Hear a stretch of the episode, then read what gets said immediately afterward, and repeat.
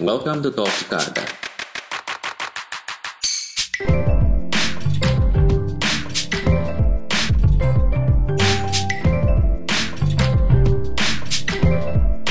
Enjoy the ride. Halo, selamat datang di Talk Jakarta. Sekarang gue udah sama Mas Henok Wahyudi.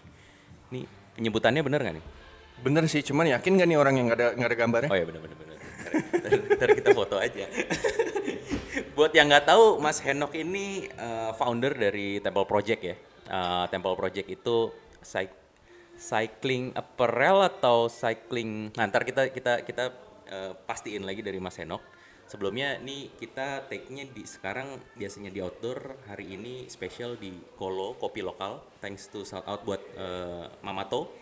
Eh, udah dipinjemin tempatnya untuk kita ngetek soalnya di luar hujan eh, lagi nggak menentu tiba-tiba hujan tiba-tiba panas banget nggak jelas anginnya kenceng tiba-tiba gerimis gitu. Manja kamu. Nah iya bener juga. Gimana Mas Enok? Apa kabar?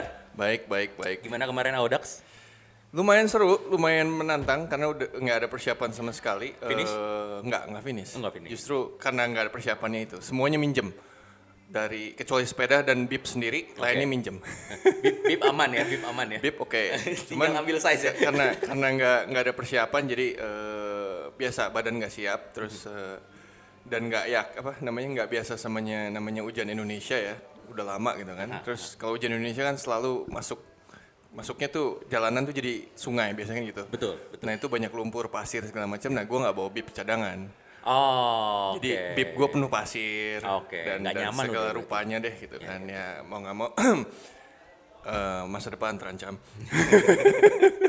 Nah, eh, sempat kesebut sama Mas Enok, eh, apa namanya, udah lama nggak kena hujan di Indonesia. Eh, di mana sebenarnya sekarang Mas Enok? Jadi eh, domisilinya tuh sekarang di mana sih lo? Sekarang gue tinggal di Belanda udah hampir enam tahun ya semenjak eh, apa semenjak anak gue lahir sih. Jadi dari sana dari enam tahun yang lalu. Eh ya lima setengah tahun deh. Lima setengah tahun. Jadi eh, start dari eh berarti enam tahun lalu lo full tinggal di Belanda ya? Eh, Kamen gue ke eh, Indonesia atau atau enggak? Atau lo Iya, full full iya. beneran di? Enam, enam tahun tinggalnya di sana tapi on and off keluar dari Belanda ya entah ke Singapura apa ke Philippines ke Indonesia muter-puter sih karena kan eh, temple ada di beberapa tempat ya. Ya. Jadi biasanya kalau keluar ya city tour gitu kayak kalau kali ini kan kita muter di Indonesia only ada enam kota. Ada- Rencananya enam kota tapi terjadinya cuma empat kota Oke. gitu. Oke. Um, Itu semua urusan temple berarti ya? kebanyakan begitu. ya. Oke. Eh, sebelum men- menuju ke temple nih, sejak kapan sih lo sepedaan? Kalau sejak kapannya sih sebenarnya dari kecil ya. Cuman seriusnya sepedahan mungkin 2009 kali ya. Gue mulai main mountain bike itu di US waktu gue masih kuliah di sana. Eh, beli mountain bike kalau dibilang abal-abal enggak juga, tapi kalau dibandingin sama sepeda-sepeda sekarang abal-abal gitu kan. beli di Walmart, Ah, oke. harganya cuman 150 dolar waktu itu. Mereknya apa ya? Moongoose kalau nggak salah. Ya Moongoose. Oh, iya, ya. Moongoose, bagus, mereknya Moongoose. Dengan dengan ininya, dengan bodohnya gitu, ah beli sepeda ah. Terus dari saya tinggalkan di Providence, Rhode Island. Udah naik sepeda dari sini ke Newport, 175 kilo, pakai mountain bike, nggak ada persiapan. Nggak? Nyampe, Tapi- sampai sana langsung pulang lagi nggak apa-ngapain. tapi tapi tapi nggak nggak kapok kan? Enggak. Itu Per- pergi pagi, jam berangkat jam 7 pagi kalau nggak salah. Sampai sana jam 10 malam. Ada bis terakhir pulang, udah naik bis langsung pulang. Jadi dia dia dia double fondo eh, sekalinya beli sepeda pertama kali gitu ya. hampir hampir 200 kilo loh. Tapi itu 170. bersekali jalan kan? Lo Sekali balik jalan. lagi udah audax tuh. Iya, bal- balikin naik back bus udah nggak kuat, udah, udah jam 10 malam juga lagi. Nah itu eh, itu yang, yang kenapa lo memilih sepeda gitu? Nggak tahu kenapa ya, mungkin dari dulu emang emang demen ya. Hmm. Eh, dan mulai serius kan 2009 9 itu kan mulai serius terus kayaknya memberikan satu petualangan yang nggak biasa gitu loh. Oke. Eh, kan kalau yang kalau tahu sendiri kan karena gua, gua grow up di Indonesia gitu kan. Ya. Eh, di sini kan kalau ke mana-mana ya naik motor atau naik mobil, banyak kan begitu. Ya. Jadi nggak sempat lihat tempat-tempat yang unik, nggak sempat lihat atau ngobrol sama orang sekitar karena terbatas sama ketutup sama kaca jendela mobil ataupun helm helm dan lain-lain ya kan. Jadi begitu naik sepeda kayak enak nih gitu. bisa ngobrol sama orang sekitar bisa bisa tiba-tiba berhenti mau di sini mau di mana lihat tempat yang aneh. Itu jadi bawa satu pengalaman yang secara nggak langsung mem- memperkaya experience ya memperkaya life experience-nya sendiri. Jadi jadi mungkin itu yang gue suka ya. Ya, Eh, hampir semua cyclist rata-rata begitu ya. Maksudnya, eh, oh, yang tadinya setiap hari rutenya mungkin sama dengan dia naik motor, naik eh, mobil, tapi dengan naik sepeda dia tetap eh, ketemu sesuatu yang baru. Selalu begitu ya. eh, para cyclist kita kita tuh selalu selalu ketemu hal-hal yang baru, walaupun tiap hari melewatin rute yang sama gitu. Jadi itu juga kali yang bikin lo nagih kali ya. Iya dan enggak. Sa- sa- ada segi performance-nya juga sih. Ah, Eh, balik performance sama health health, health lifestyle-nya sih. Jadi kalau kalau dari health-nya sendiri, bok eh, turunan keluarga gue tuh diabetic. Ah, oke. Eh, dan rata-rata punya either mereka diabetik kelas 1 atau kelas 2 lah ya. Jadi gua ngeliatnya dari situ aja lifestyle gue mesti berubah, ya kan. Nah, paling yang paling paling bagus untuk untuk merubah lifestyle tersebut sebenarnya lebih ke arah kardio karena kan ngebakar gulanya sendiri di dalam tubuh ya. Jadi gula apa eh, kardio pa- apa yang paling menyenangkan buat gue dan gua nggak suka lari. Ya mau nggak mau sepeda kan gitu. Oke kepilihnya ke situ terus ditambah dengan ya experience tadi keluar dan lain-lain jadi kayak memacu untuk ah gue pengen coba ah nanjak tempat yang aneh-aneh atau atau mau coba ah, jauh ke sana atau mau coba ikut race ini ikut race itu. Jadi nambah di situ nah performance-nya di situ eh, di di di di saat kalau gue udah biasanya kalau gue tuh orangnya eh, 100% or nothing. Jadi 100% or nothing. Jadi kalau misalnya oh gue mau ikut race itu pasti fokus banget Ah, untuk ke race tersebut gitu. Ya, ya, ya. Walaupun gue orang yang impulsif kayak kemarin tiba-tiba ikut Audax Bali gitu. Tapi secara nggak langsung orangnya biasanya gue gitu. Jadi oh gue pada mau ikut race ini dan itu gue impulsif banget untuk untuk ngikutin ini. Jadi kayak oh training segala rupa dan lain-lainnya deh. Nah, itu berarti eh, lo jadinya tipe yang racing atau tipe yang eh, tuh kan banyak sekarang ba- banyak macam-macam ya ada yang ada yang racing ada yang eh, touring ada yang kalau kita nyebutnya kadang-kadang ada rekreasi yang cuma satu minggu ada yang commuting ada yang nah lo berarti tipenya yang Eh, kalau sekarang sih mungkin lebih ke arah cari adventure ya. oke Kalau sekarang ya. Tapi kalau ngomongin mungkin empat tahun lalu, empat lima tahun lalu, gue lebih sering ikut kriterium sama one day race. oke Jadi oke. kayak eh, bukan Grand Fondo tapi lebih ke arah kayak ya race 150 kilo atau race 100 kilo gitu. itu lebih lebih lebih challenging buat lo daripada Pasti karena karena training plan-nya juga panjang kan. Iya, iya, benar benar benar benar benar benar. benar, benar. Dan dan ada ada goals beda ya sama lo Grand Fondo eh, dan lain-lain tuh beda sama sama itu kan karena goalsnya kan beda. Iya beda. Eh, ya kalau kalau ngom- ngomongin ngom- kriterium dan segala macam ya udah pasti kan pengennya mau naik naik podium ya. Walaupun nggak pernah naik podium cuma sekali ya udahlah gitu. Minimal medals lah. Tapi setelah setelah berapa kali ngikut seperti itu, gue ngelihat kayak oh gue gue ngelihat kayak gini. Oke cycling it's important important part of my life gitu Ya. kan. Tapi it's not the only part of my life. Gue ngeliat ke situ sekarang. Jadi kayak oh dulu gue bisa training seminggu lima kali dalam satu hari ya dalam satu minggu tiap pagi atau tiap sore gitu kan. Tujuannya apa? Cuman buat satu podium yang mungkin gue nggak menang. Ah, ya kan? Tujuannya apa? Oh buat satu podium yang mungkin hadiahnya cuma 20 euro kalau di di di, di Belanda. 20 atau 50 euro. Terus gue balik lagi apa worth it? Gue ngabisin waktu 7 dalam 8 jam atau mungkin lebih dalam satu minggu ini buat hal yang sebenarnya kalau dilihat personal apa eh, achievementnya nggak ada apa-apanya sebenarnya kan. Iya, iya, iya. gue pro juga bukan ya kan. Terus andai kata gue menang terus that's it. Mau ngapain lagi? Ya ya ya ya.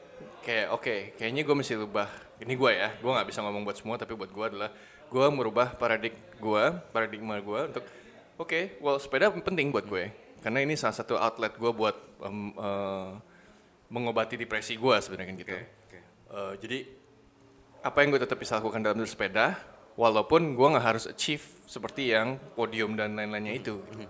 ya salah satunya ya itu eksplorasi kan Eh, ke sana ke sini tempat yang gue belum pernah nyobain rute yang gue belum pernah jalan ataupun ke tempat-tempat yang teman-teman ngajak yang gue nggak biasa gitu. Ya, ya, ya. Jadinya adventure ya sekarang. lebih ke arah adventure kalau sekarang ya Oke. Em, nah, banyak pasti kan lo eh, dari US, terus lo eh, sekarang enam tahun terakhir di Belanda, lo juga eh, sempat jalan-jalanan ke eh, Singapura. uh, vibes-nya rata-rata beda-beda nggak sih? Eh, dulu waktu masih tinggal di Indonesia tahun berapa? ya? Eh sorry, 2007 sampai 2009 2010 itu gue di US. Pulang dari sana, eh, gue kerja sebagai distributor eh, energy nutrition untuk Indonesia sama Singapura. Makanya gue bolak balik Singapura Indonesia. Barangnya dari Belgia. Itu sepedaan. Itu lebih triathlon dan sepeda sih, dua-duanya. Jadi itu pada saatnya gue baru mulai mengenal dunia Indo- eh, dunia sepeda secara lebih serius lah karena gue bekerja sebagai distributor ya. Jadi 2009 itu gue masih main mountain bike, mulai-mulai coba main road bike tapi belum belum ketagihan sampai pada 2000 mungkin 2011 akhir atau 2012 itu baru gue beli eh, race bike race bike pertama gue dan empat bulan kemudian ikut ikut Audax Bali 400 ya kan. Oke, oke, oke, oke. Emang orangnya gitu, biarin aja. tapi berarti eh, tapi vi- vibes-nya di Belanda eh, untuk untuk eh, kan kita tahu Belanda itu eh, banyak yang bilang surganya pesepeda gitu ya. Terus eh, kalau kalau yang eh, race bike atau eh, road bike yang apa ya peloton dan segala macam itu di sana gimana sih? Kalau dibilang surganya sepeda benar karena ada line bike apa bike line-nya sendiri. Cuman kalau mau peletonan 30 orang sih nggak bisa. Oh, jadi jadi benar-benar surga surganya pesepeda yang harian ya berarti ya. Harian dan road bike juga bisa. Cuman nggak mungkin sebesar peloton yang kita ada di Jakarta, Jakarta. lah kurang lebih gitu. Nggak bisa karena bike lane-nya cuma muat 4 jalur. Ya, ya, ya. Ya kan dua jalur lawan arah dan dua, dua jalur yang kita jalanin kan gitu. Jadi kalau mau 30 orang peletunan itu panjangnya setengah mati sih. Iya benar benar benar benar nggak bisa gitu. Terus terus juga kan road, jalanannya lebih sempit ya. Ya. Eh, walaupun di bike lane sendiri kalau misal apa namanya sepanjang itu pun pasti ngeganggu ya. Ya, makanya makanya lo uh, either di dalam kota mendingan keluar kota sekalian adventure dapat, terus uh, Kalau di sana nggak ada yang riding dalam kota, Ah, oke. nggak mungkin, Oke. karena oke. terlalu banyak ter- stoplight Ya, dan kedua traffic orang jalan kaki, ada anjing, ada apa, anak kecil itu terlalu banyak, nggak mungkin bisa di dalam kota. pasti lo keluar keluar keluar Ya. kota.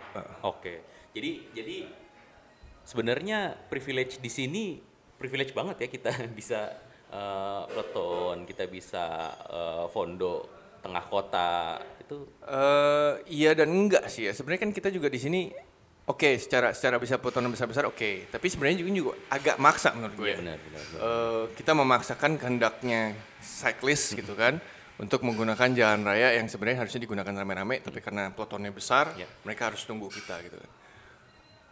Ada salah dan ada enggaknya. Ini ini terserah balik-balik lagi dari masing-masing orang. Kalau gua ngelihatnya kayak gini, eh, kalau memang itu satu event yang memang udah diberikan kesempatan untuk bersepeda melakukan tersebut, silahkan. Ya. Tapi kalau saat bukan bukan eventnya gitu kan, terus harus memaksakan peloton-peloton besar untuk memotong jalan, menutup orang jalan, kayak kayaknya agak nggak etis juga ya gitu.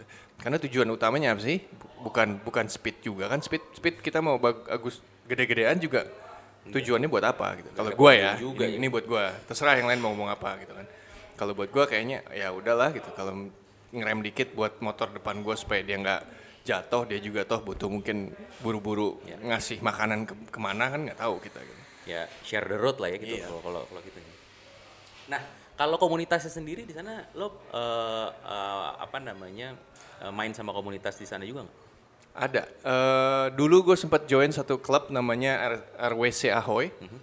Itu lebih ke arah racing, benar-benar racing. Jadi eh, kita jo- join grupnya mereka itu ada training plan-nya. Ah, Kita bayar ya, serat- satu satu tahun tuh kalau nggak salah 200 euro nggak salah. Dikasih baju timnya, habis itu dia ada ada tracknya sendiri. Jadi punya ada track khusus latihan, kayak semacam go kart track lah gitu, kurang lebih tapi lebih besar ya lapangannya. Dan itu setiap Selasa Kamis ada race, club race dibilangnya. Jadi kalau hari biasanya itu mungkin ada gym class ataupun ada kayak eh, semacam training plan, training training class segala macam. Selasa Selasa Kamis pasti club race. oh gitu. Ha. Oh, di sana berarti hampir semua klub begitu atau Yang Ahoy sih gitu ya. Setahu gua rata-rata tempat lain ada yang either punya track sendiri ada yang enggak. Kalau yang punya track sendiri biasanya mereka punya in in club racing. klub racing sendiri? Per berapa lamanya gua nggak tahu, tapi eh, Tapi plan itu plan itu ada ya? Ada, Dan lo bayar kan? Berarti itu bayar. berarti join join cycling clubnya itu nggak nggak cuman pertemanan doang Oh, enggak, terus enggak. eh, riding Kompetitif, bareng-bareng kompetitif. tapi ada ada kompetisi di dalamnya dan juga ada plan training berarti berarti serius serius itu ya Serius. Seserius itu ya? Seseriusnya gini deh. Waktu pertama kali gue pindah ke sana, gue kan dulu kan sini sering ada Jaya Expo deh. Ya, ya, Jaya Expo ya. dan segala macam itu kan ada kriterium. Gue gue waktu di Expo segala macam terus sering lah beberapa kali ngikut gitu kan. Ya masih bisa lima besar lah kalau gua ya. gitu kan. F, kalau kelas B, gue di kelas B, kelas B itu kan average 36, 37, average di 40 km eh apa distance gitu kan. Sendirian nih, bukan ngomong platoon ya. Artinya harus kuat 36 di dalam 40 km kurang Ya, lebih begitu. betul. Terus gue pindah ke Belanda, masuk RWC Ahoy.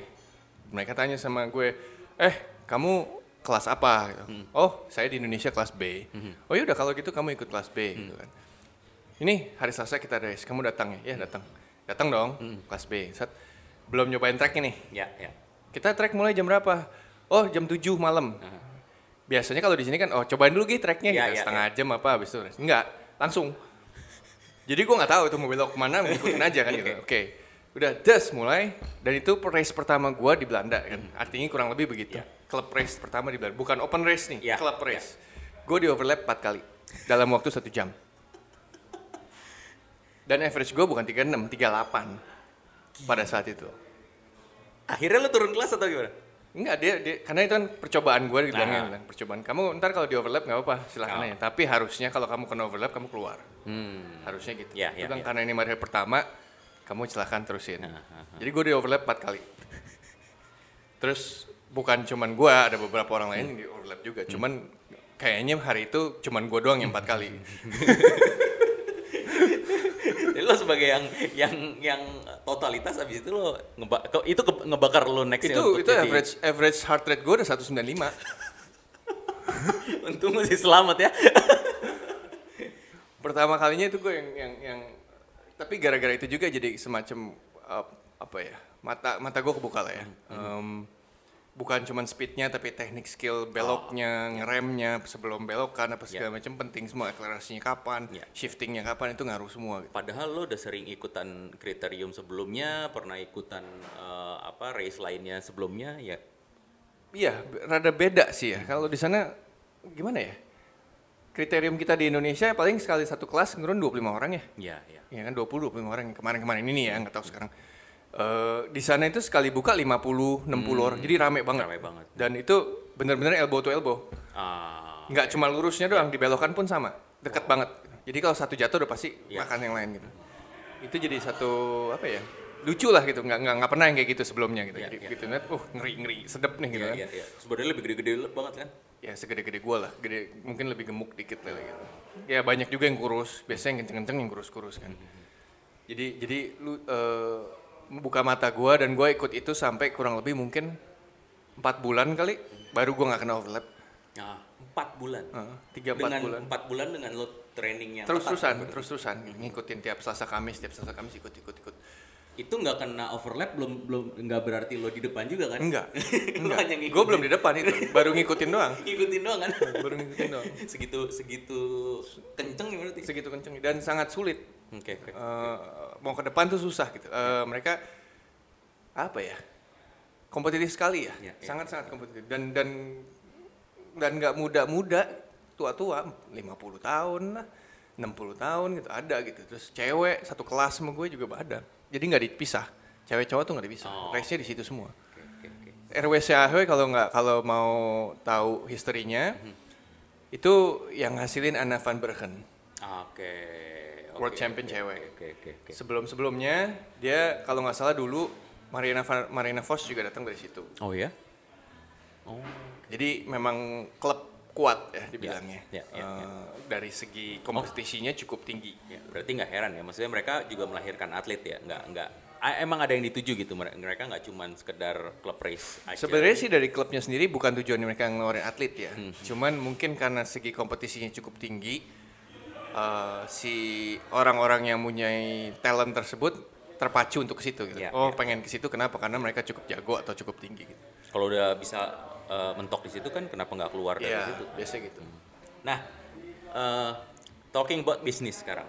Nah, eh, kapan sih akhirnya lo melihat ngelihat ada peluang bisnis di eh, sepeda yang akhirnya menciptakan Temple Project atau lo sebelumnya sebelum bikin Temple lo pernah bikin yang lain?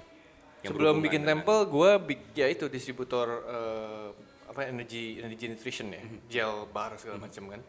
Terus ide Temple sendiri lahirnya pas Audax Bali. Oh justru pas di Bali. Iya, pas Audax itu justru kan eh, pada saat Audax itu gua eh, menggunakan merek luar, Bib, jersey, tapi pas sebelum mulai dikasih lah sama merek lokal. Eh, ini cobain dong, pakai gitu. Oke, boleh gue coba gitu kan. Baru mungkin 70 km di pertama gitu kan. Gua udah gak kuat pakai itu. nggak bisa deh. nggak nyampe 70 mungkin 50 cekan pertama sih cekan pertama gue ganti baju ganti baju ganti bib karena nggak nggak satu cuttingnya nggak enak terus kedua gue blister segala rupa dan nggak nafas jadi gue overheating Oke. gue ganti lagi ke baju gue yang uh, yang gue Yang bawa udah sendiri siapin. gitu kan Uh, terus sudah lagi jalan gue pikir kenapa gini-gini amat ya baju lokal gitu kan gue nggak suka deh pada saat itu gue berpikir cuman pengen bikin untuk diri gue sendiri bukan buat orang Selalu, lain Itu selalu. Ah. ah gue mau bikin yang buat gue sendiri cari masa nggak bisa sih buat gue paling nggak buat gue lah untuk ke situ kan jalannya cukup panjang apa ya yang gue bisa kerjain ya sebelum ke situ oh desainnya dulu deh Oke. desain pada saat itu belum cakep Itu 2000 berapa? 2012 2012, oke. desain-desain belum ada yang cakep satupun menurut gue ya Lokal. lokal dan outdoor apa lokal dan impor. Impor. yang waktu itu masih keren baru itu awal-awal mulanya Rafa Oke. Baru mereka yang gue bilang ini cakep kenapa? Karena clean gitu kan. Gue pengen ah gue pengen bikin yang keren lebih kurang lebih ke sana arahnya. Ya. jadi gue coba awalnya cuma bikin bikin desain. Bisa desain buat sendiri. Ini cakep nih kalau gue bikin buat gue nih. Pasti gue ganteng nih kalau pakai ini. Oke. gitu. Hitungannya gitu dulu. Gitu, gitu. Bener-bener harus harus. ya kan? Terus sudah eh, karena gue masih bolak balik Jakarta Singapura temen gue di Singapura bilang gini eh lu kan sering ke- kemarin gue liat lu gambar-gambar baju deh gitu. Bikin dong buat klub gue oh boleh boleh silahkan terus gue bikinin gambar bajunya gue kirim ke dia. Dibikin lah bajunya sama dia kan? Oke. dia kirim fotonya ke gue nenok eh, apa? Klub gue nih fotonya pakai baju lo gitu. Pakai desain lo gue lihat fotonya dong. Itu pertama kali gue kaget orang segitu banyaknya pakai baju gue gitu. Ada 500 orang kali gitu kan. Hah, hah? Banyak amat gitu. Ini tuh klub apa gitu kan? Oh ini namanya Joy Riders. Gue cuman waktu itu Joy Riders pikir mereka doang 3-4 orang Joy Riders gitu kan ternyata Joy Riders tuh salah satu klub gede di Singapura seribu lebih orang deh gitu. fotonya wih banyak banget nih kalau gitu kemarin mesti gue charge ya terus baru berpikir dari situ kayaknya mesti gue kasih brand Hmm. Itu masih unbrand. Itu Benar-benar unbrand. cuman uh, Joy Riders doang. Joy Riders doang. Brandnya masih Joy Riders gitu ya. Brand Uh, mereka. Apa, brand mereka gitu. Brand Maksudnya, mereka. maksudnya uh, lo apa namanya yang lo tempelin di situ tulisan Joy Riders. Joy Riders sih brand mereka terus gue berpikir eh, kayaknya mesti gue kasih brand nih gitu apa paling enggak service gue lah design by gitu kan Ya. Temple Project Ya. waktu itu baru begitu jadi terus mulai beberapa klub lain bikin baju design by Temple Project Lo udah Tem- pakai nama Temple Project. Eh, dulu ya namanya Temple Project. Sebenarnya muasal muasal kan pas 2012 itu gue mulai mikir pulang itu mau bikin apa ya namanya yang cakep gitu. Pas pas pas ngeliat Joy Riders pakai baju gitu gue langsung mikir namanya apa ya Oh, gitu. ya. Nah mikir namanya Temple Project. Kenapa Temple Project? Karena gue believe ya balik lagi ke history keluarga gue your body is your temple. Lu harus treat your badan lu seperti seperti eh, Sacred. sacred gitu kan apa bukan senjata apa tuh ya Eh, sebagai tra- alat transportasi lu gitu mau ke mana pun jadi lu mau ganti olinya segala rupa dan jadi kayak it's a vehicle it's it's it's a temple gitu kan dan itu project lu seumur hidup Oke. makanya temple project gitu kan Oke. Oke. keluar namanya itu Dalam juga ya. dalam dalam banget men dalam dalam banget ternyata Temple Project ya. Iya. coba lu sambil minum bir ngomongnya oh lebih dalam lagi Makin dalam banget. nah dari dari 2012 itu berarti setelah Joy Rider siapa? Setelah Joy Riders ada beberapa lokal, tim-tim lokal Mhm. yang kemarin itu pakai siapa ya? Dan itu produksi mereka semua. Mereka semua. Lo hanya kasih desain? Gue cuma hanya kasih desain waktu itu. Per kapan lo mulai uh, produksi sendiri? Kalau nggak salah gue decide untuk mulai bikin sendiri itu 2014 awal. Oke. Mulai nyari ya, bukan produksi. nyari. Lahir 2012, uh, produksi uh, 2014 tuh start lo uh, developing berarti. Heeh, jadi 4 2014 gue mulai coba develop pattern sendiri, cari bahan sendiri, puterin satu Indonesia nggak ketemu. yang gue mau ya, bukan yang nggak ada. Indonesia punya bahan agak ada, mungkin sekarang lebih bagus gue nggak tahu. Iya. Tapi pada saat itu nggak ketemu yang gue pengen, Oke. ya kan? Terutama padding, Oke.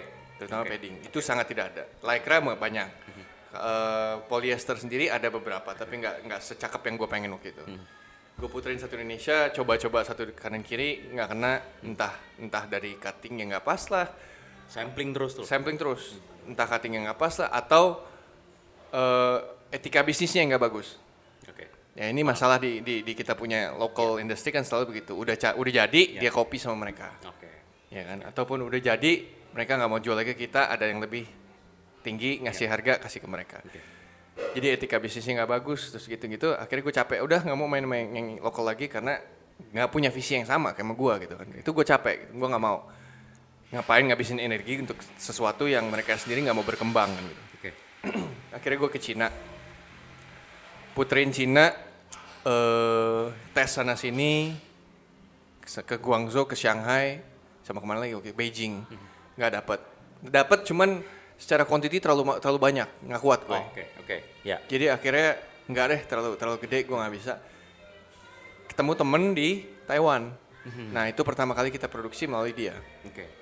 jadi 2015 malah baru produksi baru keluar launching pertama kita punya collection Berarti eh, apa produksi pertama tuh made in Taiwan. Taiwan. Full. Ya. Oke, jadi lumayan panjang ya pak. Panjang. Dari 2004 eh dari 2014 hitungannya 2004 setahun berarti lo develop Setahun. eh, developing eh, apa namanya produk berarti ya. Ya, Itu itu eh, benar-benar lo eh, puas tuh di 2015 Enggak. akhirnya dapat. Enggak. Enggak Masih- puas. masih- Enggak, gua enggak orangnya enggak pernah puasan, emang begitu. Bagus harus sih. Eh, puas puas ya pada saat itu ya puas ya. Karena akhirnya oh akhirnya punya sendiri nih gitu kan. Oke. Oke. Tapi dari segi product developmentnya sendiri banyak yang mesti dibetulin Ya. menurut gue. Nggak ada satu produk yang sempurna menurut gue ya. ya. Apalagi dengan adanya perkembangan teknologi, perkembangan eh, kebutuhan eh, sportnya sendiri ya. Jadi dari 2014 itu sampai hari ini itu semua udah berubah. Udah nggak ada lagi yang 2014 punya model tuh nggak dipakai semua. Ya, ya. Gitu loh. dan badan orang juga beda-beda kebutuhan beda-beda ya mengikuti juga kan Iya, iya. dan berarti berarti lo eh, apa develop dan segala macam lo belum di- masih jauh dari Belanda ya masih belum di Belanda ya Pada Baru saat itu, pada saat itu 2014-15 sih masih di Taiwan semua ya.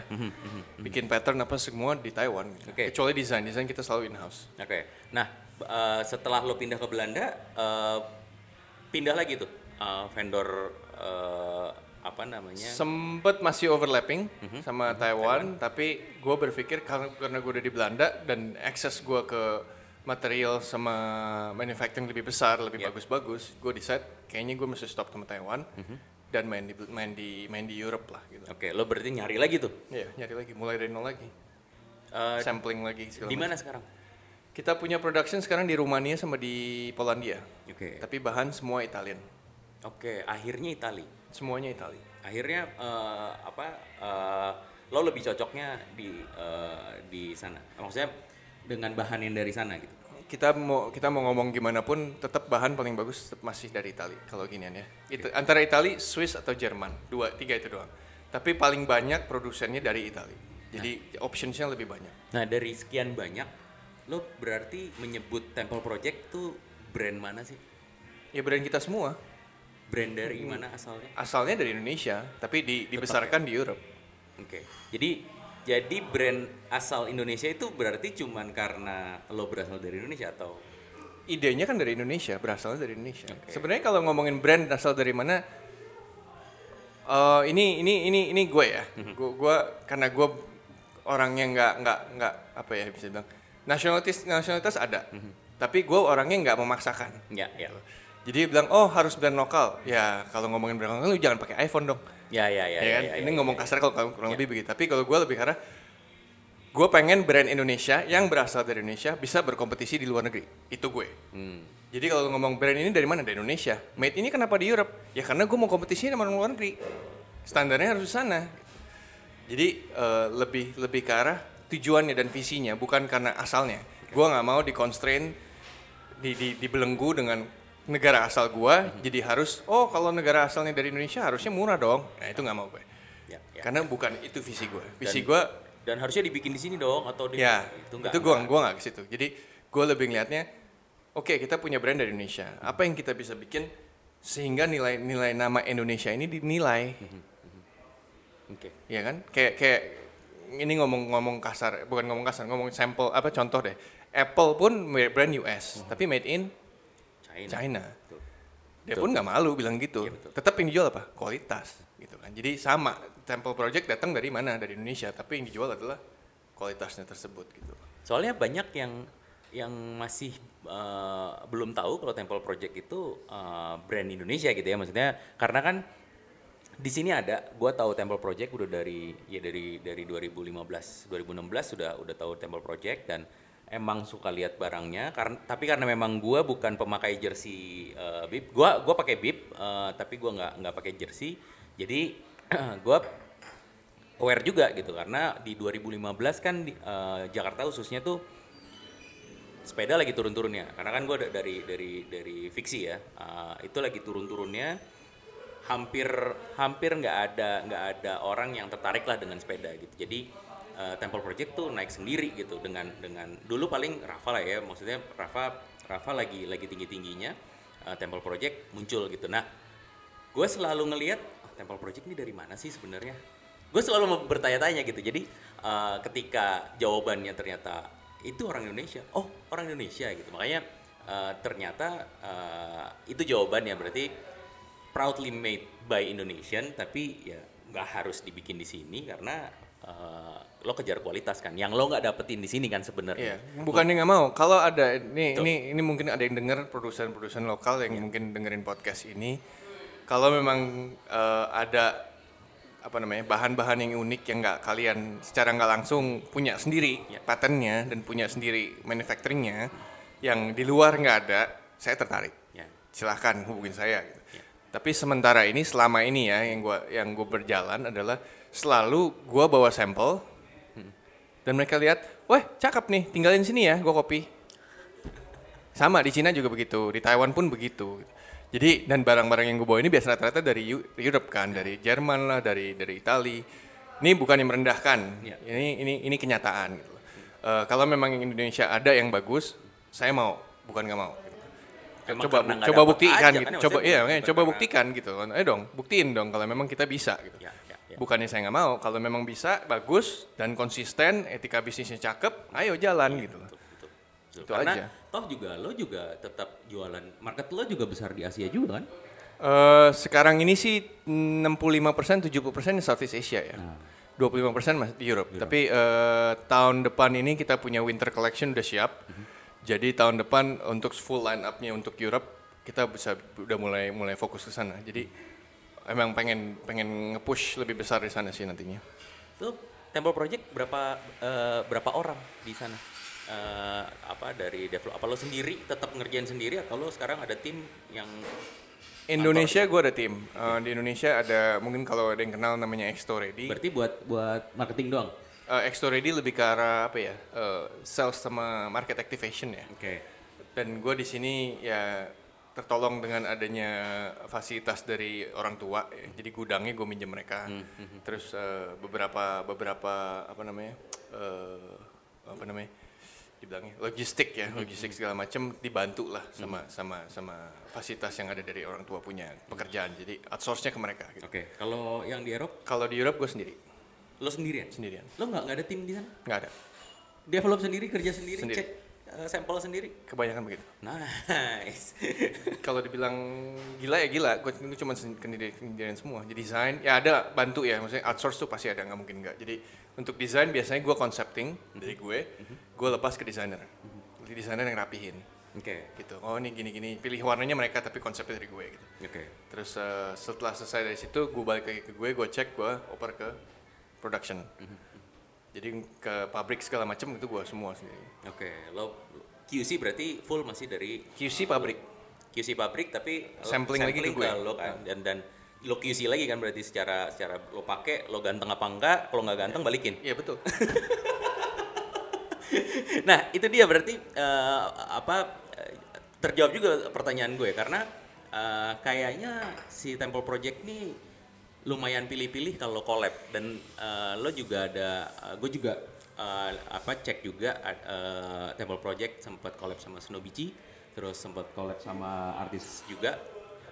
Even yang menarik ada One Tree Planted. Kalian uh, lo lo memilih untuk untuk mem, apa namanya ikut serta juga di One Tree Planted.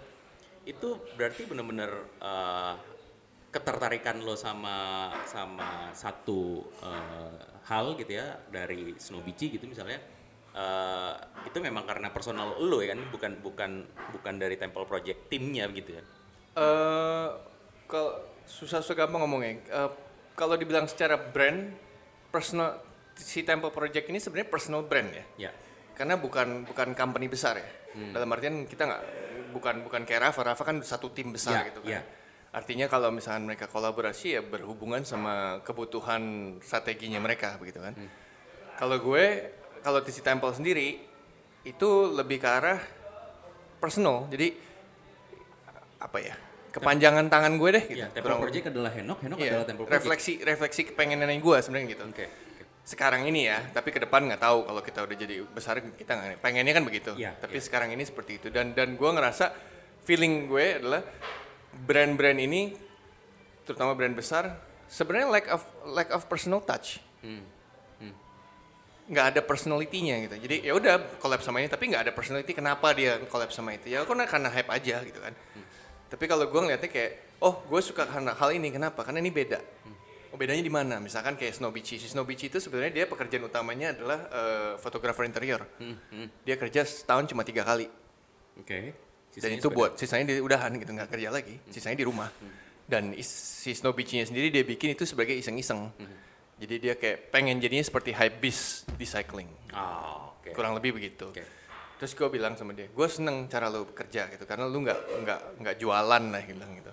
Tapi gue style style lo gue demen. Mau nggak kita bikin collab cuman pertama-tama dia nggak mau. Ngapain gue bikin gitu? Orang gue udah cukup gitu kan. Yeah nggak butuh lah gue begitu. Nggak gue bilang bukan masa cukup enggak ya tapi gue pengen lu menyalurkan visi lu mm-hmm. ataupun gambaran lu mengenai baju yang cakep tuh kayak apa sih? Oke. Oke.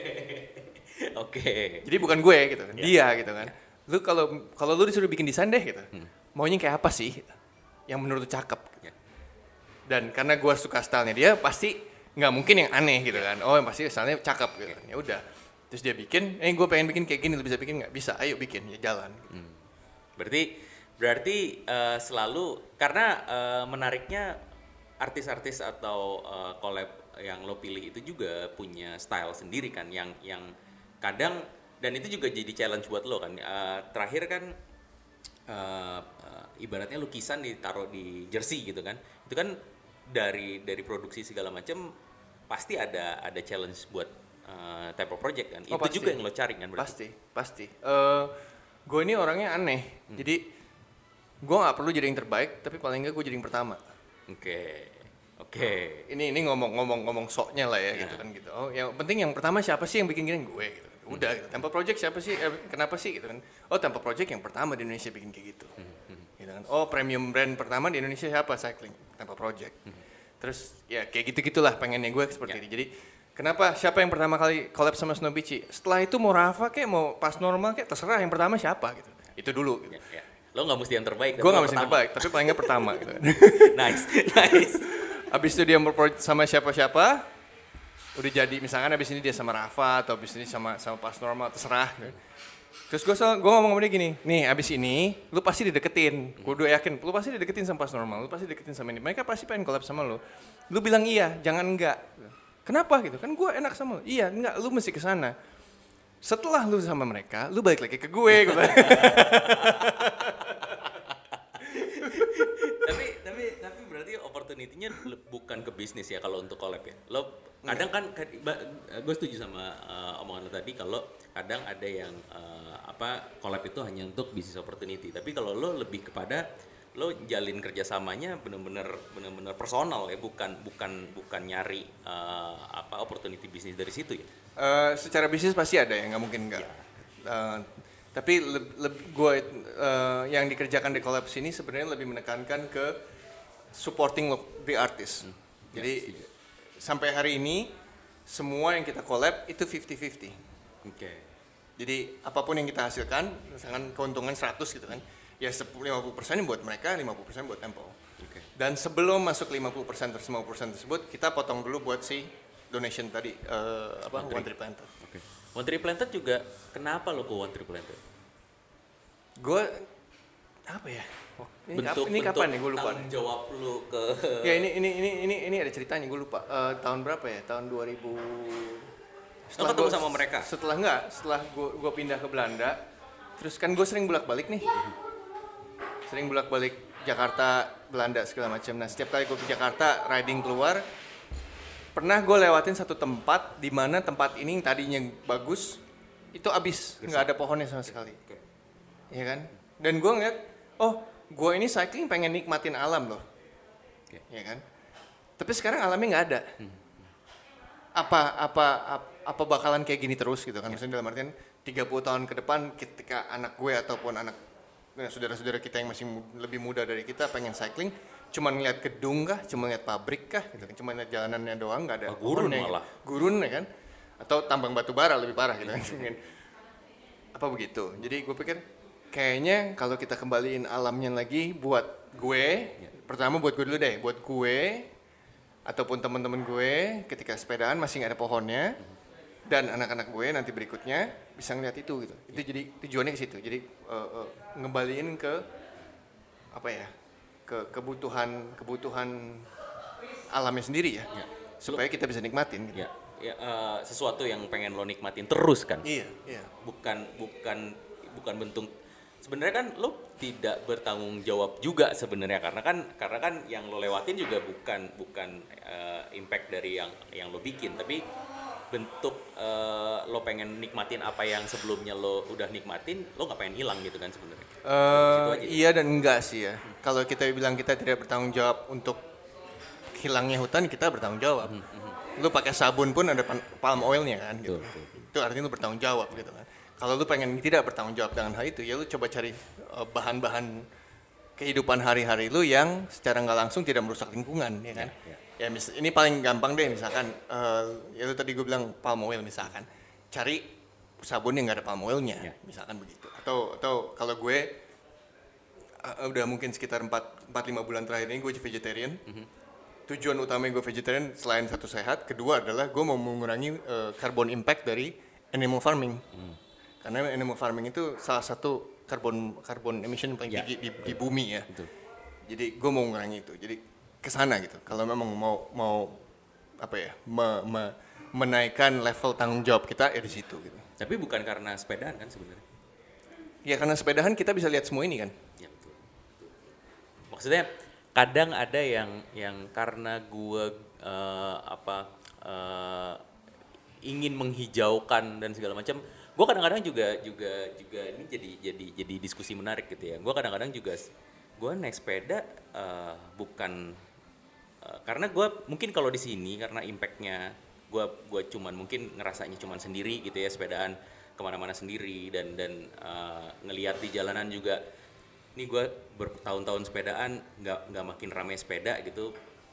Gue jadi nggak ngerasa ini bisa nggak sih eh, jadi lebih hijau dunia ini karena gue sepedaan gitu. Karena kan impactnya eh, impactnya kan akan kerasa kalau banyak yang melakukan. Kalau cuma satu dua orang kan nggak. Cuman akhirnya bentuk tanggung jawab itu terjadi karena kita sudah mengawalinya dengan tanggung jawab kita bersepeda kan itu kan bentuk tanggung jawab yang secara tidak sadar kita lakukan karena demi bumi yang lebih baik gitu kan Nah sebenarnya ini ini ini kenapa eh mungkin mungkin gue ngelihatnya gini ya. Sekarang sekarang ini ya. Ya. Pada saat dulu sih gue nggak ber- berpikir seperti itu. Tapi sekarang gue ngelihatnya kayak gini. Temple Project ini adalah suatu suatu alat transportasi, ya kan? Di dalamnya ada gue, Ya. ada artis-artis yang gue kolaborasi, dan juga ada eh, apa apa namanya Eh, klien-klien kita lah ya. Nah, Temple Project ini bisa memberikan sesuatu kembali, entah tadi bentuknya donasi ataupun entah bentuknya seperti eh, movement, Ya. ya kan? Eh, seperti contohnya kemarin deh gue ikut Audax. Sebenarnya gue nggak mau ikut Audax tadinya, tapi begitu adanya Semeru, Semeru. ya kan? Gue punya kesempatan, kesempatan untuk apa? Kesempatan untuk menggerakkan, ya kan? Menggerakkan apa sih? Menggerakkan masa. Untuk sama-sama membantu kan gitu. Kalau mungkin gua nggak begitu, mungkin nggak ada itu kan eh, namanya donasi tersebut. Bukannya berarti gua lebih jago dari yang lain, enggak. Tapi gue cuma melihat ada yang satu kesempatan di mana apa pun yang gue kerjakan, yang gue suka nih ya, gue kan suka sepedahan. Gue bersepeda, tapi bersepedanya itu bisa membantu. Ada value-nya. Ada value nggak cuma asal sepedahan, tapi ada, oh ya, gue bersepeda, tapi selagi gue bersepeda, oh gue bisa bantu orang lain, gue bisa bantu alam, gue bisa bantu ini, gue bisa bantu itu. Gitu. Itu gue ngeliatnya. Jadi kayak Temple Project itu adalah suatu suatu suatu alat transportasi untuk membawa value buat orang-orang sekitarnya dan orang-orang di dalamnya. Gitu. Sejak kapan lo menjadi eh, apa namanya lo lo eh, apa ya sa- bukan sadar ya lo lo jadinya eh, ngerubah pola pikir eh, gitu apa apa karena eh, temple ya karena bersepeda itu tadi ya berarti triggernya justru di di adventure tadi yang lo tadinya nih mau sampai kapan itu itu pertanyaan itu yang nge-trigger lo untuk untuk jadi ada harus gua bersepeda berarti harus ada semua yang gua lakukan harus ada impact dan value-nya gitu Eh, ada tipping point-nya sih, nggak nggak semuanya dari situ. ya. Jadi perjalanan masing-masing orang kan beda ya. ya 2013 itu pas ah, 2012 2013 itu kenapa gue bersepeda jauh-jauh nggak penting itu karena gue depresi. hmm. Eh, pada saat itu gue baru kelar kerja dari ya bisa dibilang institusi besar lah ya. Dan gue depresi berat. Karena gue nggak nyangka gue dengan gue bekerja situ sebenarnya gue me- me- mempromot sesuatu yang tidak baik. Oke oke. Ya kan? Ber- bertentangan dengan etika gue lah gitu. Dan gue depresi berat sampai pada saatnya gue pengen bunuh diri. Oke. ada, ada Eh. ada ada sesuatu yang besar dan Iya jadi ada satu tipping point.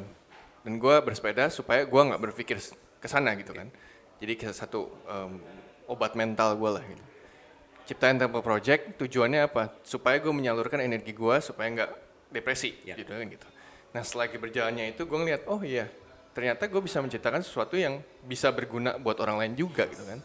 Kenapa enggak nah kenapa gue kolaborasi sama artis-artis banyak banget artis-artis di di dunia ini ya yang menurut gue nggak cuma di Indonesia tapi di luar eh, yang potensinya itu bagus sekali gitu. Kerja eh, eh, apa hasil artnya menarik sekali tapi nggak dilihat orang karena dia nggak punya nama satu itu. Kedua dia nggak punya akses untuk menyalurkan eh, artnya gitu kan. Paling gampang nyalurin art ke mana? Kalau sekarang kan udah ada NFT dan sosial media kan tapi waktu pada zaman dulu dulu kan susah. Tuh ya kan? Andai kan ada sosial media dan lain-lainnya pun belum tentu mereka bisa Ya. menyalurkan hal itu. Nah beruntungnya Temple Project punya kalau mau ngomong keluarga eh, keluarga lah ya semua di Temple Project keluarga. Keluarga yang cukup besar. Jadi apa yang kita buat selalu dilihat sama beberapa orang yang lebih banyak daripada cuman sosial media gitu kan. Oke. kurang lebih begitu sosial media medianya mereka. Ya. jadi gue berpikir oke kita cobaan aja gue bukan bilang oh abis ini lu kaya raya. Enggak, gue nggak ngomong itu. Tujuan gue adalah gue cuma pengen kenalin art lu ke orang gitu. kalau itu jadi bagus silahkan. Bagus. Kalau enggak ya udah at least kita coba. Ya. ya kan? Lu- ya, jadi lo nyari eh, artis karena lo punya satu media yang bisa dimaksimalin secara baik baik si artis sama Temple Project sendiri. Ya baik lagi tadi yang gue bilang Temple Project adalah suatu alat transportasi. Ya. bukan bukan satu alat eh, bisnis. ya ya, bisnisnya berjalan, Berjalan. tapi transportasi tersebut adalah untuk membawa value ke semua orang yang ada di dalamnya kan? Membawa lo ke mana-mana kan? Berarti Iya. ketemu ketemu satu dan lain hal kan? Ya betul. Siapa yang pengen lo ajak eh, collab lagi? Atau eh, dream lo deh lo pengen banget ngajak? Kanye West. Oh, oke. Itu kita tunggu aja kalau kayak Kanye West siapa tiba-tiba tahu ada Yeezy Temple Project kan nggak tahu udah ye sekarang udah ye sekarang Ye bukan doang, ye ye. doang. jadi namanya Temple Project ya gitu tapi tapi kan kemarin dia pakai pakai full full jersey yang all black itu iya kan udah di sini udah hampir udah pakai masker kan Oh, iya benar. Tinggal pakai bib hitam doang ya. Nah, eh, tapi ada ada yang paling deket ada collab atau Eh, proyekan. Udah ada teaser teasernya cuman gue belum boleh ngomong namanya Oke. artis lokal Oh, artis lokal. artis lokal bukan lokal artis Indonesia Artis oh sorry sorry ya ya. ya. artis Indonesia eh, cukup ternama Mhm. ya kan dan dan artnya cukup menarik Oke, kita tunggu saja berarti ya. tungguin aja 2022 2022 2022. Eh yang kalau yang kemarin eh, apa namanya eh, di highlights terbaru tuh kira-kira 20 week lalu eh, lo juga kerja sama sama eh, Quinda. Ya. Itu Apa? Quinda ini menarik. Dia itu eh, artis di- dari Rotterdam, teman tem, pacarnya temen gue sebenarnya. Yang kerjaannya tuh menurut gue unik. Dalam artian eh, sebenarnya kerjanya dia sendiri adalah dia bermain dengan kaca dan pasir. Oke. Kaca, pasir, eh, konkrit, batu segala macam ya. Dia bilang gue pengen bikin satu art yang sebenarnya mentranslate gue punya race, race yang dia jalanin. Bilang oh maksudnya gimana? Gue bilang ya gue pengen jalanin satu race nih. Bilang. bulan ini. Oh race apa? Hope seribu. Hope seribu apa sih? Gitu kan gue nggak tahu. Hope seribu itu adalah mountain bike race di Alps seribu kilometer tiga puluh lima ribu altitude. Dan itu harus kelar dalam waktu seminggu. Seminggu. Eh cut off time-nya seminggu tuh. Seribu kilo. seribu kilo tiga puluh lima ribu altitude ya Eh, iya, iya. Alps kan? Alps. Iya. Dia dia itu itu goalsnya dia. itu goalsnya dia dan dia jalanin itu dan setelah itu dia kelar dia bikin sketchnya apa yang dia lewatin segala macam itulah artnya yang sekarang jadi Ah, menarik ya. Jadi dilewatin gunungnya kan, dia lewatin sungai, dia lewatin eh, hujan tengah malam segala macam. Dia tidur di BV, bikin makan sendiri, ban bocor, eh, kampas rem habis, semua di situ. Dan dia bikin itu jadi satu art. Menarik ya. Itu itu itu balik lagi ya Temple Temple Project ngebawa lo ke eh, hal-hal yang baru yang yang even lo nggak nggak nggak sangka bisa eh, ketemu gitu ya. Iya, karena karena life is about the journey kan. Yes. Dan Temple Project itself, itself is about the journey of life gitu kan. Your life project. Iya. Jadi apa pun itu bisa terjadi gitu kan. Ya dalam hal ini tentunya berhubungan sama sport salah satunya kan Iya. gitu kan. Dan dan berhubungan sama adventure yang lo lakukan. Ya. ya. Nah, kalau kalau kita main ke eh, Instagramnya Mas Henok nih, itu juga ada Aveo, ada Farah, ada M plus One. Eh, itu berarti perpanjangan dari Temple Project atau lo kalau Aveo lo eh, terlibat eh, develop atau lo bikin lain di luar Temple Project? Eh Aveo sendiri sebenarnya kita nggak nggak secara direct berkecimpung di sana. Kita distributor untuk sorry kita distributor untuk eh, Belanda, Indonesia, eh, Singapura dan Qatar. Hmm, oke. Jadi itu kita bentuk kerjasama ya distributor lah ya. Tapi Distributor. eh, karena kenal baik sama mereka, jadi eh, lebih ke arah partnership malah Oke. gitu. Eh, Farah juga kemarin eh, waktu kita ketemu di Bintaro tuh Farah itu Farah lo bawa dari sana. Farah Cycling Temple Project sendiri di situ sebenarnya part owner sekarang. Oh sekarang part owner. Oke. Berarti Jadi- ada ada ada ada se- ada seriesnya Temple Project? Belum ya? Belum. Tapi nanti mungkin ada keluar. Haruslah. Kalau nah yang paling menarik N plus one. Nah, Apa ya N plus one? Karena gue ngeliat Instagramnya juga ada brand banyak brand di sana, ada news di sana, apa media kah atau atau apa? jadi N plus one ini datangnya sebenarnya ide sih. Ide gue dari 3-4 tahun yang lalu. Mhm. Eh, N plus one kan eh, apa rumus para semua cyclist ya. nggak cuma cyclist sih, termasuk motoris. Hobiis dan- ya, hobiis. hobiis, ya. Nah apa Tapi nih? jangan nambahin pacar mulu ya. Oh jangan kan kan hobi ya hobi hobi. Hobi nambah pacar. Jadi ke mana N plus one? Eh iya tadi se- sebenarnya eh, satu mimpi, satu ide. Ketika gue di jalan Temple Project, gue kan bilang gue gini, ah outfit gue udah ada gitu kan. Ya. Tapi ini kalau gue mau beli kacamata, gue mau beli helm, mau beli sepatu, mau beli sepeda, mau beli ban, kenapa gue mesti ke, pergi ke 7-8 website yang berbeda ya? Oke. Setiap website gue mesti masukin data gue, mesti sign up, mesti ini, mesti itu, dan nunggu nunggu apa namanya, nunggu pengirimannya beda-beda ya kan? Artinya trackingnya ada 8 biji gitu kan? Kenapa sih nggak ada satu website yang yang ataupun satu apps gitu ya, satu shopping app yang bisa menjembatani semua ini? Hmm. ya kan? Jadi gue nggak harus pergi ke 8 website yang berbeda, gue cuma lihat satu apps, apa yang gue suka, gue beli di situ, habis itu semua datang ke tempat gue, pengennya begitu. Itu gue berpikir seperti itu. Tadi gue pikir, apa gue cemplungin semua ke, te- ke Temple Project ya, tapi pasti ada namanya, eh, apa namanya, conflict of interest pasti Ya, kan, ya, ada brand lain segala macam. Oke, kalau gitu nggak bisa dimasukin di ini. Sering berjalannya waktu gue sibuk sama Temple Project, gue lupa Hmm. mengenai ide itu. Sampai satu hari kurang lebih setahun lalu, eh sorry, tujuh bulan lalu, gue ditelepon sama temen gue, Nok, namanya Julian, Nok, eh, lu masih inget nggak ide lu yang lu ceritain ke gue? Ide apa nih? Gitu. Yang itu yang lu yang bikin web apps yang satu tempat buat semua brand. gitu. Iya, masih ingat gue kenapa emang? Nah, ini ada orang Rusia udah bikin. Oke. Hah, serius udah bikin? Kayak apa? Gitu. Nih, websnya gue kasih lihat. Tek keluar. Ya ini yang gue pengen gitu kan. Hmm. Ini persis ini yang gue pengen. gitu. Terus bilang, nah kebetulan dia juga mau ngomong sama lu. Oke. Kenapa dia ngomong sama gue gitu kan? Kok aneh gitu kan? Kenapa dia ngomong sama gue? Nggak tahu dia pengen ngomong sama lu aja gitu. Karena gue cerita, nih temen gue pengen punya ide kayak gini 3-4 tahun lalu gitu. Terus dia cerita ke gue, ke dia gitu kan. Dia mau ngomong sama lu. Oke, temuin deh gitu kan. Ketemuan, terus gue cerita, nih ide gue gini, gini, gini, gini. Ide dia gini, gini, gini. Klop, persis klop. Bilang, oke deh kita join yuk. Barengan, lu kerjain ininya, gue kerjain ininya. Jadilah N plus one. Sebelumnya namanya? N plus one udah, Oh, udah namanya N plus N one. plus one. Jadi Nah, dari hanya- dia udah namanya udah N plus one. nambahin. jadi gini, tiga tahun lalu gue punya Instagram page namanya N plus one, nggak aktif, Oke. nggak aktif ya, Oke. nggak aktif.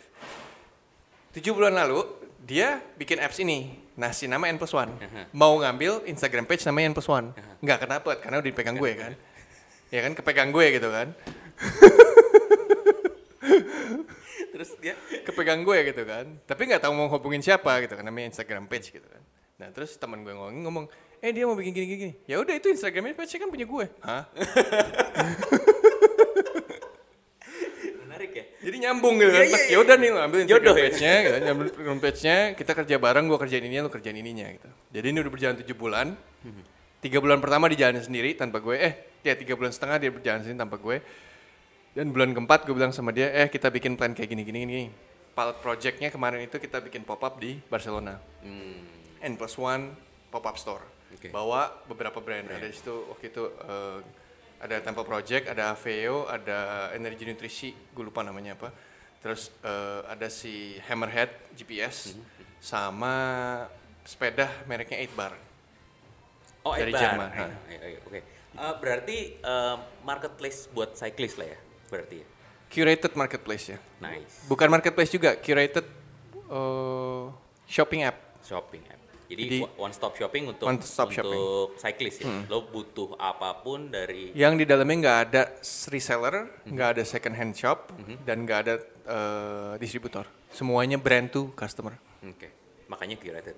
Nice, nice. Itu itu makanya eh, apa namanya brandnya pun juga juga eh, varia, variatif banget ya. Lo nggak nggak hanya apa namanya nggak cuman eh, satu satu jenis cyclist. Nggak, nggak. Lo udah bener-bener dari A to Z.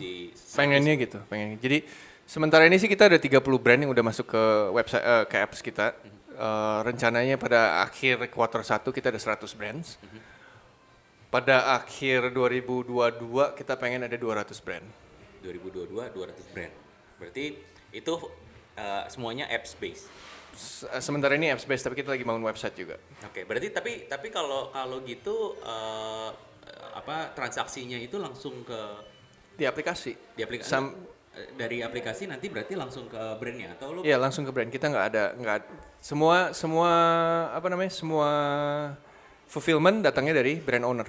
Oke, berarti Kita nggak pegang nggak, nggak stok. pegang stok sama sekali ya. Jadi Dan- jadi benar-benar benar-benar menjebatani antara eh, customer sama brandnya aja gitu Iya, langsung ya. iya. N plus one. Menarik, menarik, menarik, menarik. Thank you, karena karena eh, nah ini me- apa namanya eh, menuju ke pertanyaan gue terakhir nih. Karena eh, di Indonesia ini eh, pandemik tuh eh, menghasilkan eh, booming sepeda dan di uh, media luar juga uh, nggak sedikit yang bilang kalau uh, apa cyclist itu nambah di era pandemi. Bahkan uh, beberapa uh, apa namanya ada distributor dan dan emang uh, apa jualan sepeda itu di mana-mana habis. Uh, terjadi juga nggak sih di Belanda? Ya iya. Itu kan satu dunia. satu dunia. Nah uh, impact nggak ke Temple Project Ada pasti. gede Lumayan. Eh, ya kalau dari ngomongin segi apa namanya bisnisnya ya bisnisnya grow pasti kan itu udah pasti. Kedua tapi dari segi sisi lainnya juga menimbulkan masalah kayak production lebih panjang waktunya. Terus eh, availability production sendiri misalkan material itu lebih sulit karena semuanya rebutan. Semuanya. Jadi memberikan satu opportunity untuk berkembang, tapi juga memberikan satu hambatan untuk berkembang. berkembang. ya, bener. Ya, ya, ya, ya, Gitu. ya. Jadi eh, untungnya untuk untungnya kita mungkin di Tampa Project sendiri adalah kita kerjasama sama pabrik-pabrik yang yang secara nggak langsung nggak super besar. Oke. Jadi mereka bisa bermanuver cukup cerdik lah ya untuk cari bahan, untuk cari cari eh, eh, apa namanya outsource lagi mungkin ke tempat lain gitu-gitu. Jadi bisa dibilang lucknya lah itu, hokinya di situ. Jadi kalau mungkin yang lebih besar lagi, bahkan gue dengar sempat eh, apa namanya peak performance tau perfect performance itu mereka sampai cancel mereka punya satu line saat dalam satu tahun itu karena mereka produksinya nggak kekejar. Ya, ya, ya, ya, ya. Mereka fokus eh, ngerjain yang udah ada atau enggak jual yang ada dulu ya. Iya, gitu. jadi ba- banyak beberapa brand lain juga ada yang tutup juga karena nggak kuat Iya, iya. dengan ada produksi keterlambatan terus. Podia Sisi, kalau dengar ini Podia Sisi itu barangnya bagus, tapi mereka bubar karena uh, stresnya terlalu tinggi waktu zaman pandemi ini terutama. Ya padahal padahal lucunya gitu ya, ada yang ada yang kena imbasnya eh, mereka bisa catch up, ada yang imbasnya justru mereka bubar karena terlalu banyak demand dan mereka nggak bisa ngasih supply-nya. ya. Kayak uh, apa lagi ya kemarin? Oh, Katusha Cycling juga kan tutup. Terus uh, Void Cycling sempat bangkrut dibeli lagi. Banyak lah. Jadi jadi memang it gives opportunity tapi juga memberikan hambatan yang cukup besar. Ya, ya, ya. Gitu. Oke. Ada mimpi-mimpi lagi di Temple? Banyak, Banyak. banyak. Paling dekat? Paling dekat berhubungan sama traveling di Indonesia sih. Oke. Em, ya nantilah tunggu tanggal mainnya. Pasar US? Pasar US belum. Nanti eh, kita pengen masuk pasar US bersamaan sama N plus One. Jadi N plus One ini pengennya tahun dua tahun ke tiga tahun ke depan ini untuk jadi top brandsnya untuk eh, apps shopping app di EU. Setelah kita dapat itu, baru kita pindah ke US. Pindah ke US. Karena karena eh, kan itu tadi 65% di Asia, Southeast Asia, eh, sisanya di Europe dan lu nggak pernah mention US padahal lu lama di US. Berarti US US lebih tricky soalnya, lebih tricky karena mereka regulation segala macamnya lebih padat ya. Oke. eh dan dan apa ya? Gua karena gua nggak di sana juga, jadi lebih sulit untuk mau mau, mau ngurus operasional apa segala macam kan agak ribet ya. Jadi ka- karena gua ada di Europe ya, kenapa nggak di Europe dulu gitu? Oke. Berarti nextnya US dan N plus one sebenarnya yang harus diwaspadai sebenarnya N plus one ya.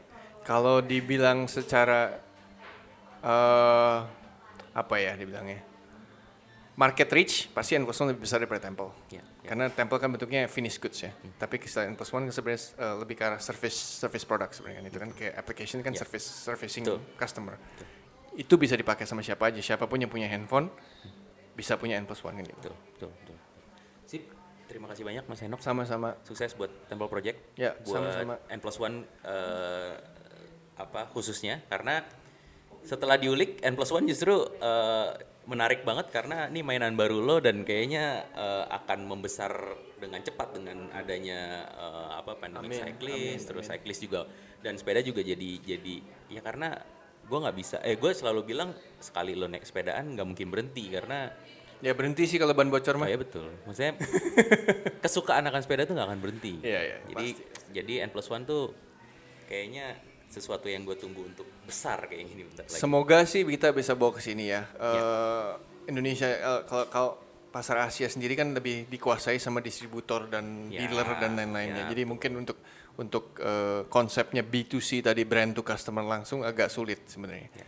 Kecuali kita kerjasama sama si distributor-distributor tersebut. Ya. Itu lebih panjang lah proses. Tapi kalau di Europe kita udah pasti lebih gampang karena brandnya di situ semua. Karena sekarang kampung halaman lo sementara masih di sana kan, lebih gampang. Dan Approach- lo juga Iya. Europe juga kan. Approachable, approachable-nya lebih eh, apa approaching brands-nya lebih gampang karena mereka punya fulfillment sama punya logistik sendiri kan. Kalau di sini kan logistik dilepasin ke distributor Ya. gitu. Jadi agak sulit untuk untuk mau menjalankan hal yang serupa sebenarnya. Tapi ya kita nggak nutup kemungkinan lah lihat aja nanti. Ber- eh, brand lainnya juga eh, variatif ya di Eropa. Cukup Karena- variatif Karena dong. gue, gue lumayan buta sih sama Eropa Nah karena. coba makanya sekarang dilihat dulu apps-nya. betul betul.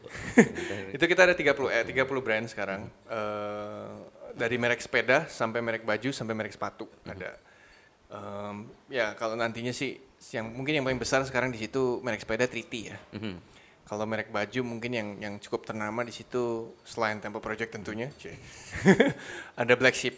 Oh Black Sheep Black Sheep. situ. Uh, Oke. terus eh, apa lagi ya? Black Sheep juga lumayan lama kan? Black Sheep juga lumayan lama. Kurang lebih Black Sheep asal muasalnya kurang lebih mirip-mirip sama Temple lah 2011 Ya, ya, 2012 mungkin ya. Segituan gitu. Terus eh, ada apa namanya? eh, bike care products kayak sabun segala macam itu juga ada. Kacamata Aveo udah di situ juga. Oke. Tahun depan sih lebih banyak harusnya. Oke. Siap. Thank you. Thank you, thank you. Sama-sama. Eh, sukses terus. Eh, safe flight tanggal Tanggal 31 31 ke Belanda. Salam buat teman-teman di sana. Eh, Pasti. Sehat terus. pasti. Ya tunggu aja nanti kapan ke sana. Siap. Buat teman-teman yang dengerin podcast ini dan punya saran kira-kira siapa aja yang cocok buat diajak ngobrol, bisa cek Instagram Track Cikarda. Nanti kita hubungi dan ajak ngobrol juga. So see you on the next episode of Talk Cikarda. Stay safe. Ciao.